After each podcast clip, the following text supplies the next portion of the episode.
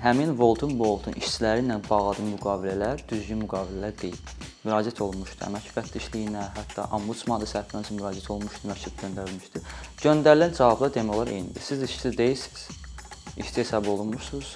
Biz sizə bir kömək edə bilmərik. Tarixin bütün dövrlərində sənaye inkişafları olub. Tarixin bütün dövrlərdə innovasiyalar, yeni texnologiyalar olub və qanunverici hüquqlar, sosial normalar da ona uyğun adaptasiya olub.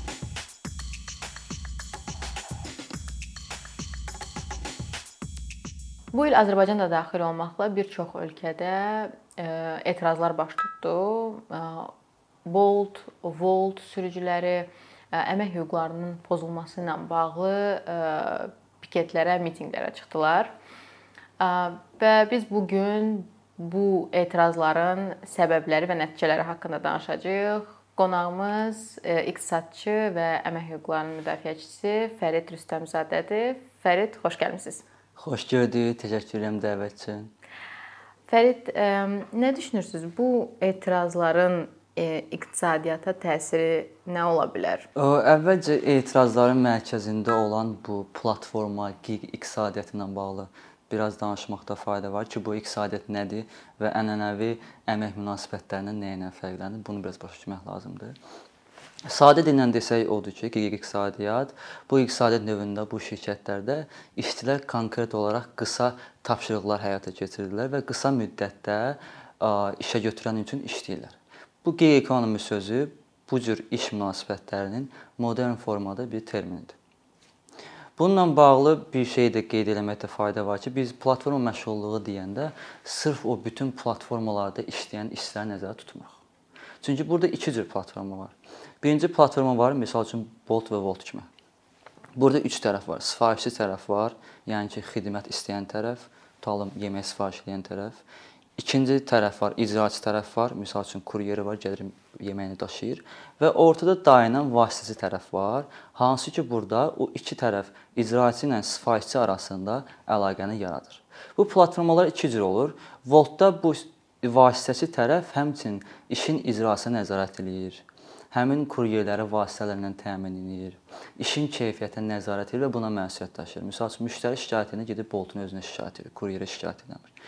Bu mənada bu platformalarda işləyən işçiləri biz platformada işləyən məşğul insan kimi sayırıq. Digər platformalar isə var. Məsəl üçün Fiverr var, Upwork var. Onlar sırf belə deyək, şəxssizləşdirilmiş elektronik platformadır, hansı ki o sırf icraçılara və sifarişçilərə giriş verir. Sən girsən veb saytdan profilini yaratdın, birbaşa sifarişçidən işi götürürsən, hər hansı bir MMC-də, hansı bir hüquqi şəxsi, oradan işini götürürsən, işləyirsən. Bu tamamilə fərqli sahədir. Yəni biz platforma məşğulluğu deyəndə o ikinci qrupları saymırıq, sadəcə birinci qrupları sayırıq. Hansı ki orada vasitəçi özü biraz işə götürən kimi hərəkət edir, davranır. Xeyirləri əsasən tələblə təklifin uyğunlaşdırılması və vaxt resurs itkisinin azad olunmasıdır. Zərərləri yoxdurmu? Var. Əsas 3 zərəri var. Əsasən işçi tərəfdən zərəri var. Birinci zərər odur ki, qeyri-iqtisadiyyatı, platforma iqtisadiyyatı ənənəvi əmək münasibətlərindən, ənənəvi işlərdən daha çox istismara şərait yaradır.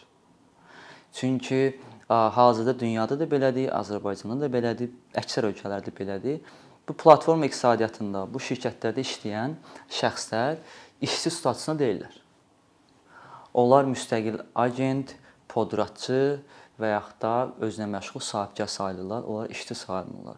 Bu mənada onların həmkarlıq ittifaqlarına birləşmək, kollektiv müqavilələri imzalamaq, öz hüquqlarını müdafiə etmək şansı olmur. Bu da həmin işçilərin əməklərinin istismar olunmasına, daha çox istismar olunmasına şərait yaradır.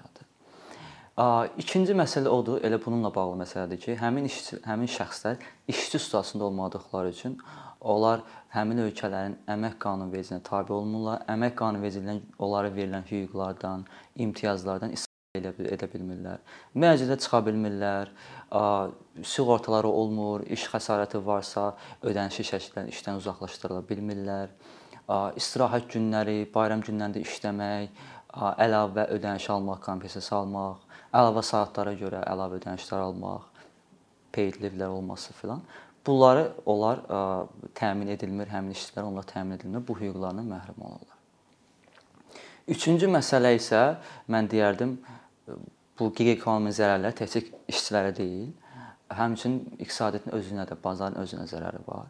Hansı zərərdir? Bu rəqabətə zərər vurur.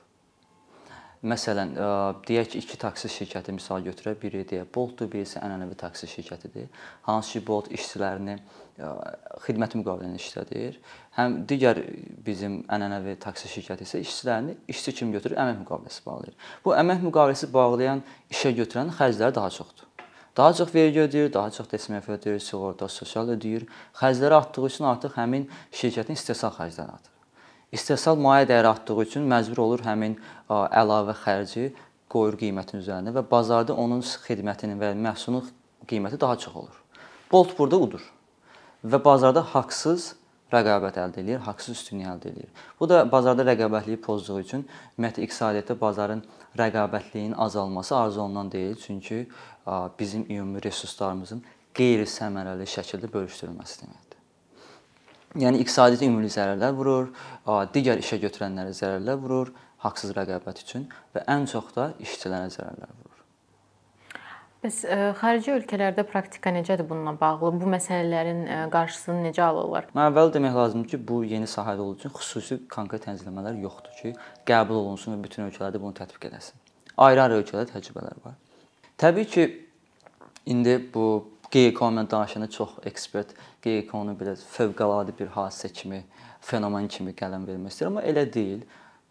Tarixin bütün dövrlərində sənaye inkişafları olub, tarixin bütün dövrlərində innovasiyalar, yeni texnologiyalar olub və qanunvericilik, hüquqlar, sosial normalar da ona uyğun adaptasiya olublar. Qeyri-qanuni da elədir. Biz qeyri-qanuni içində əmək qanunvericiliyimizi, iqtisadiyyatımızı adaptasiya edib qura bilərik ki, beynəlxalq təcrübədə var. Məsəl üçün əsasən biz burada qərb təcrübəsini götürürük, Avropa və ABŞ təcrübəsini. Avropada artıq plan hazırlanıb və yeni tənzimlər gətiriləcək. Yenicə meyarlar qəbul olunub, meyarlar elan olunub. Avropa 5 meyar götürür. 5 meyar elan edir ki, deyir əgər bu 5 meyardan bu iş bu işin təbiətində bu 5 meyardan ikisi varsa, deməli burada əmək münasibətləri var və həmin şəxsin əmək müqaviləsi imzalanmalıdır. Məsəl üçün orada meyarlar var, mükafat meyarı var. Yəni həmin şəxslərə mükafatlar, bonuslar verilirmi? İkinci meyar var, həmin şəxs bu şirkətin uniformasını, geyimini geyirmi? Üçüncü şərt var, işçilər demək özlərinin cədvəllərini qurmaqda, iş qrafiklərini qurmaqda çətinlik çəkirlərmi? Dördüncü misal üçün şərt var bu iş hal-hazırda həm mütalım bu kuryerin işlədiyi iş, digər işlərdə işləməyə ona mane olurmu, olmurmu? Belə 5 meyar var və onların ikisi bəhs edir ki, əgər meyara uyğun gəlsə, biz həmin şəxsi işçi sayaq və əmək müqaviləsi imzalamasını tələb edirik. Avropada hal-hazırda qəbul olunan meyarlar budur. Məhkəmələrdə bu meyarlar üzrə gedirlər. Məhkəmə kezləri var kifayət qədər. Amerikada var, UK-də, Britaniyada olub, hansı 40 min səhvirəmsə Uber işçisi, iki işçi sürücü məhkəmə müraciət etmişdi və məhkəmə qərarı ilə artıq 40 min işçinin əmək müqaviləsi ilə işləməsini və əmək qanunvericiliyinin tələblərinə uyğun hüquqların olmasını məhkəmə qərarı vermişdi. Avropada qərarlar var, ABŞ-da var, Maltada bu cür o, bizdə кейslər var, məhkəmə кейsləri var. ABŞ-da meyarlar daha fərqlidir. Onlarda daha 3 meyar var, 5 deyil, 3 meyardır. Orda əsasən maaş məsələsidir, azadlıq məsələsidir. Bir də işin təbiəti məsələsidir. Ki bu ən başlıca meyardır. Amerika məhkəmələri istifadə edir. Hansı ki bu meyardan biz də istifadə edirik əmək məcəlləsində. Bu meyar nə deyir? Amerikada bu daha geniş açıqlanıb maddədə. Bizdə daha bulanıqdır, amma anlaşılandır. Meyar nə deyir? Deyir, əgər iki tərəf arasındakı bu münasibət, iş münasibəti, hər hansı bir xidmət münasibətidir. Görülən iş bu şirkətin, işə götürənin öz əsas işinə, iş funksiyasına aiddirsə, deməli həmin iki tərəf arasında əmək müqaviləsi imzalanmalıdır. Məsələn, deyək ki, bir ərzaq mağazasıdır və ərzaq mağazasına bir bir hansı bir cihaz zədələnib, bura usta çağırırsan. Bu ustanın gördüyü iş bu ərzaq mağazasının əsas iş funksiyasına aid deyil. Tamamilə aid, ayrı bir işdir. Ona görə həmin mağaza usta ilə nəyir? Xidməti müqavilə imzalayır, xidmətini alır, ödənişini usta gedir.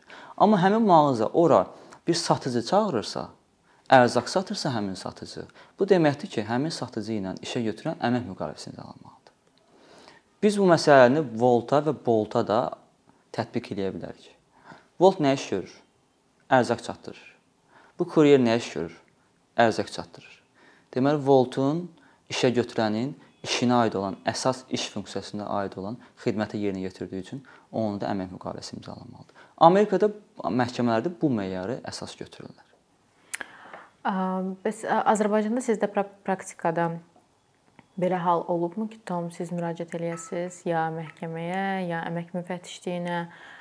Siz belə danışdıqca gözümün qabağında mənim bir dəfə gözümün qabağında sürücü qəza keçirmişdi və onun yanına da onun iş yoldaşı yaxınlaşmışdı, ağlayırdı onun üzərində və mən fikirləşirdim ki, həmin an oradan keçəndə ki, onun əslində orada yəni bədbəxt hadisə iş zamanı baş verib də. Onun heç bir hüquqları yox idi ki, necə ki, sığortası yoxdur. Heç nə. Və mənə maraqlıdır ki, ümumiyyətlə praktikada belə bir şikayət bildirmisinizmi ya sizin vasitəsiz vasitənizlə harasa müraciət olunubmu ki, onların hüquqları qorunsun? Çünki siz də qeyd elədiyiniz kimi bizdə də əslində əmək məcəlləsində yazılıb ki, əmək müqavilə mahiyyətən əmək müqaviləsi olan müqavilələr mülki hüquq xarakterli müqavilələrlə rəsmiləşdirilə bilməz. Hı -hı. Bunu bundan əvvəl elə sizin dediyiniz, qeyd etdiyiniz bu mülki müqavilə əmək müqaviləsi tandeminə bir açılıq da gətirək. Adətən bu şirkətlər onu bəhanə edirlər ki, bəs konkret olaraq tənzimləmə yoxdur, konkret olaraq yeni bir qanun yoxdur və biz də qeyri-qanuni fəaliyyət göstərmirik. Mülki müqaviləmizi bağlayırıq, xidmət müqaviləmizi bağlayırıq, işləyirik. Onların özlərinin arqumentləri var, deyirlər ki, bəs biz işə götürən deyilik, biz sadəcə vasitəçiyik, sifarişdən icrasında vasitəçilik yerinə yetiririk. Amma hətta biz mülki müqaviləyə belə baxsaq, orada da görürük ki, həmin Voltun Boltun işçiləri ilə bağladığı müqavilələr düzgün müqavilələr deyil. Birincisi müqavilənin məzmununa baxmaq lazımdır. Mülki müqavilə səhvləmsiz yəqin ki, daha yaxşı bilərsiniz Gülşən Səhvləmsiz 405-ci maddə idi ki, əsas müqavilənin məzmunudur, başlığı deyil. Sən orada har yaz ki, ora xidmət müqavilə. Əgər bu məzmun olaraq əmək müqaviləsi, işin məzmunu əməkdirsə, bu deməli əmək müqaviləsidir istənilən müqavilə ilədir. Bəli. Mahiyyət mahiyyət əsaslıdır. Başlığı bəli, adını bəli, ad adının heç bir fərqi yoxdur mahiyyət etibarilə. Və mahiyyət etibarilə sənin gördüyün işdə orada əmək münasibətləri var. İkinci məsələ deyirlər ki, məsələn biz bəs nə soruşuruq ki, nə iş görürsüz? Bəs biz çatdırılma işi görürük. Bu kuryerdə çatdırılma işi görürlər də. Çat daşıma işi görürlər. Daşıma işi görürsənsə, bununla bağlı səhv eləmirəmsə 850-ci maddə var mülki müqavilədə ki, daşıma şirkətlərlə bağlı bağlanan müqavilələrlə bağlı şərtlər var. Sən ondan tapşırıq müqaviləsi bağlamalısan. Tapşırıq müqaviləsi bağlamalısan. Tutalım, atıram ki, mən e, evdən köçürəm, hansı yüklərimi köçürəm, müqaviləni bağlayıram, xidməti var, köçdü mənim yüklərimi, ödənişləmədi, getdi. Amma onu tapşırıq müqaviləsi bağlanmır, nə bağlayır? Standart şərti müqavilə bağlayır. Hansı ki, biz standart şərti müqavilə burada güc balansı kifayət qədər pozulmuş olur. Biz o müqavilələri adın harda görürük? Tutalım, hər hansı bir mobil operatordan və yaxud da Azərişığa gedir, Azəriqaza gedir, müqavilə bağlayırıq və hansı həmin tərəf monopolistikdir deyə ya təbii ya da qeyri-təbii ona monopoliyası var, gücü var bazarda və mənə şərtləri diktə edir. Deyir, qardaş, şərtlər budur. Mənim təklif etdiyim şərtlər budur, servisin budur. İstəyirsən qəbul, istəmirsən qəbulümə çıx get. Burada tamamilə güc balansı var. Güc balansı pozulub. Sən həmin şərti müqavilə ilə işçi ilə sən münasibətlərini rəsmiləşdirə bilməzsən. Yəni biz e, birincisi dünya təcrübəsi, məhkəmə işləri, əmək qanunvericiliyi, həmçinin mülki məcəlləyə də biz baxanda görürük ki, bütün bu faktlar göstərir ki, kuryerlərlə və yaxud da taksi sürücülərinin bu qeyri-ekonomik işçiləri ilə işə götürən arasındakı münasibətdə əmək münasibətləri də bu yöndədir hələ ki. Tam qərar verilməyib, çünki qarışıq məsələdir biraz, amma əmək yönündədir. O belə yoxdursa, ən azından deyək ki, yaxşı əmək münasibətləri deyil, mülki işlərdir. Heç olmasa mülki müqavilənin düzgünlüyü ondan bağlı düzgün şərtlər qoy. Çünki elə şərtlər qoyurlar ki, tamamilə qarşı tərəf güc balansını pozur, bazardakı gücünü istifadə edir və öz şərtlərini diktə edir. Bununla bağlı Azərbaycanda təbii ki, dedik ki, əmək məcəlləsində şərtlər var, mülki məcəllədə var, amma praktikada hələ ki hər hansı bir kuryerin tətillər olmuşdu məsəl üçün müraciət olunmuşdu əmək müfəttişliyinə, hətta ombudsmana da səhvləmə üçün müraciət olunmuşdu, məktub göndərilmişdi. Göndərilən cavablar demək olar eynidir. Siz işsiz deyilsiniz, işçi hesab olunmursunuz, biz sizə bir kömək eləyə bilmərik. Məsələ praktikada hələ ki bu haldadır. Halbuki bununla bağlı biz qanunvericilikdə tənzimlər eləməliyik. Onsuz da bunun əsası var, meyarlarımız var. Avropada meyarlar var, Amerikada meyarlar var, öz qanunvericimizdə meyarlarımız, əsaslarımız var, məhkəmə qərarları var. Bunu əsaslanıb ya tənzimləri eləməliyik, ya da ki, tənzimləri həll eləyə bilmiriksə, əgər konkret olaraq qanun, təzə qanun çıxmayıbsa, bu o demək deyil ki, həmin işə götürənlər bu işçiləri istismar etməlidirlər. Bəs nə düşünürsüz? Ən yaxın gələcəkdə görə biləcəyimiz tədbirlər nədir ki, bunun qarşısını alaq? Yəni xarici təcrübədən də danışdınız, amma yəni bizim ora hələ gəlib çatmamıza yəqin ki, müəyyən bir müddət var. Təcili sürətdə görülməli olan təklifləriniz? Xarici təcrübələr var, amma mən düşünmürəm ki, bizim ora gəlib çatmamız çox var. Əgər iradə olarsa, siyasi iradə, ictimai iradə, insanlar istəyərsə, iradə olarsa bunu çatmaq çox da çətin məsələ deyil. Ən azından bizdə məhkəmə кейsləri ola bilər, məhkəmələr qərar qəbul edə bilər ki, bu кейslər əsasında tətbiq edilsin. Məhkəmə qərarı əsasında qanunlar tətbiq edilsin. Təbii ki, bu halda artıq biz biz başlasaq, qərar qəbul etsək ki, bəs artıq bu volt işçiləri, kuryerlər işçi sayılmalıdır, işçi statusuna olmalıdır, əmək müqaviləsi bağlanmalıdır başlayacaq minlərlə, 10 minlərlə artıq məhkəmə кейsləri açılmağa, şahidlər gəlməyə. Bu uzun proses çəkəcək. Bəli, sizin dediyiniz kimi hamısına bir-bir toplu və ya bir-bir və ya toplu şəkildə baxılmalıdır, qərar verilməlidir. Uzun proses çəkəcək. Amma ən azından biz müzakirə çıxa bilərik qərarı və ya əmək məcəlləsində dəyişikliklər eləyə bilərik. Konkret olaraq biz qanunvericiliyimizi yeni texnologiyalara, yeni innovasiyalara, iqtisadiyyatın yeni sahəsinə, yeni sənayesinə biz adaptasiya eləyə bilərik.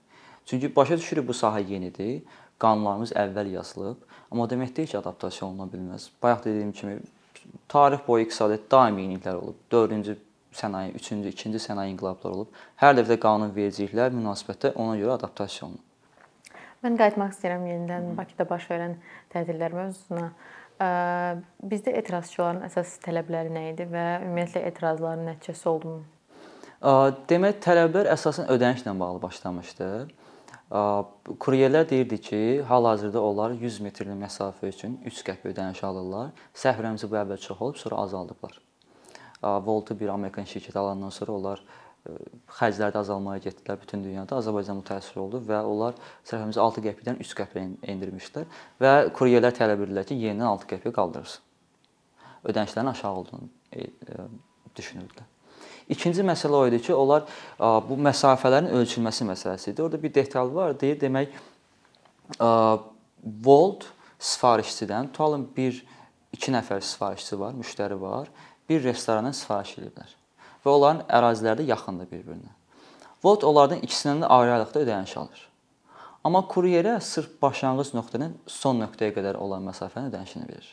Yəni elə bir kuryer gedir restorandan götürür, 2 dənə sifarişi ayrı-ayrı müştəriyə çatdırır, yaxın ərazidədir. Yol üstə bir ikinci müştəriyə sifarişi çatdırmış olur və bir dəfəlik ödəniş alır.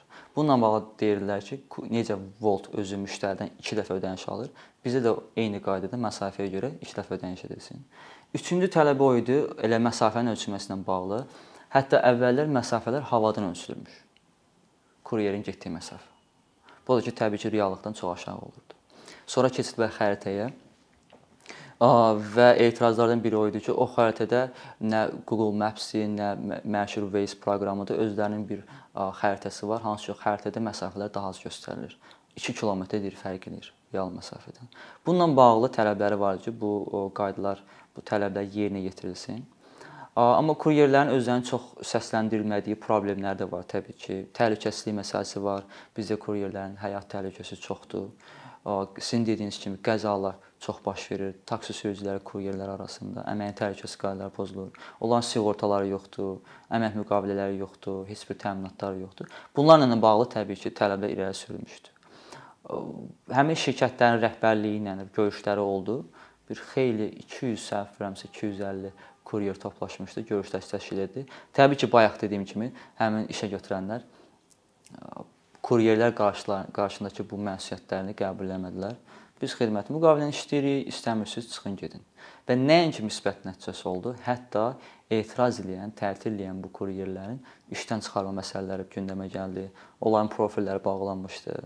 Hətta bir kuryer təəssüf olsun ki, polis bölməsinə çağırılmışdı etirazlardan sonra.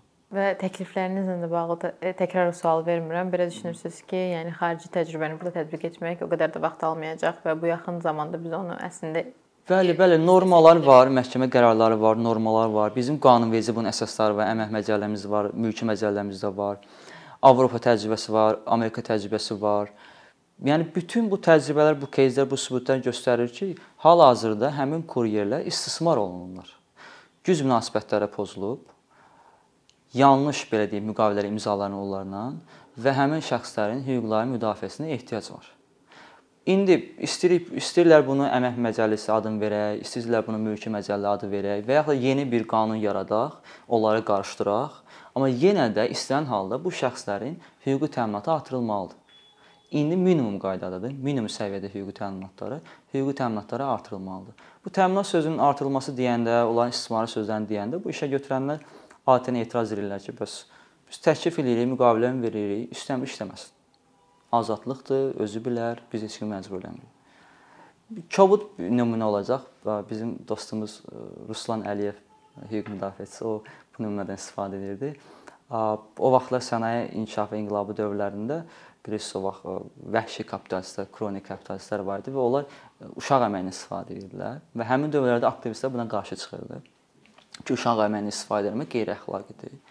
Onların da təbii ki, pullar kifayət qədər idi və yaxşı hüquqşünaslar vəkillər tuturdular ki, öz arqumentlərini müdafiə etsinlər. Həmin hüquqşünaslar vəkillərin əsas gətirdiyi arqument o idi ki, bəs heç kim heç məcbur eləmir, azad bazardır. Biz iş təklif onlar gəlir işləyirlər, valideynlərin razı və s. Oxşar arqumentləri 20-ci əsrdə bu gün həmin istismarçı, Voltbot və digər gig ekonomi işə götürənlərdir. Onlar deyir ki, bəs problem yoxdur da, yəni xüsusi tənzimləmə yoxdur, qanunda qadağa yoxdur, mən də eləyə bilərəm. Bu əsas hansı problemlə gəlir? Ədalətlə hüququn assosiasiyası problemindən. Yəni heç də ədalətli olan hər şey leqal olmur, leqal olan hər şey də ədalətli olmur. Biz bu gün əgər rahatlıqla gedib hansı bir işçi üçün 8 saatlıq iş rejimi tələb eləyə biliriksə, bunu kimə borcluyuq? Vaxtı ilə 12 saat işləyənlər, hansı ki o vaxt 8 saatlıq qanun yox idi və 8 saat tələb eləyənlərə görə. Ona görə biz əsas məsələ burada ədalət, insaf, vicdan məsələsidir ki, hüquqda da bu var. Əgər hüquqi normalar yoxdursa, ədalətə, vicdana, insafa yönəlirik. Ədalətli olarsaq, təbii ki, heç hüququ bilməyən bir şəxs belə Bu gün siz bir taksiyə minsəz və taksi sürücüsü desəz ki, həqiqətən belədir. Mən gün ərzində 15 saat maşın sürürəm, 15 saat işləyirəm. Sizə gələcək ki, burada yanlış bir şey var da, yəni bu ədalətli ola bilməz, bu hüquqi ola bilməz. Həqiqətən də var. Yəni biz ədalət çərçivəsində baxmalıyıq. Ədalət çərçivəsində, hüquq çərçivəsində kuryerlər həmin işçilər etirazla haqlıdırlar və bununla bağlı biz qanunvericilik xüsusi tənzimlər edilməyə, daha geniş ictimai müzakirələr aparılmasına və məsələni gündəmə gətirilməsinə ehtiyac var. Çox sağ olun Fərid gəldiyiniz üçün. Siz olun. Məsələni işıqlandırdığınız üçün. Ümid edirəm məsələnin aktuallaşmasında gündəmə gəlməsinə bir az da olsa xeyir olar.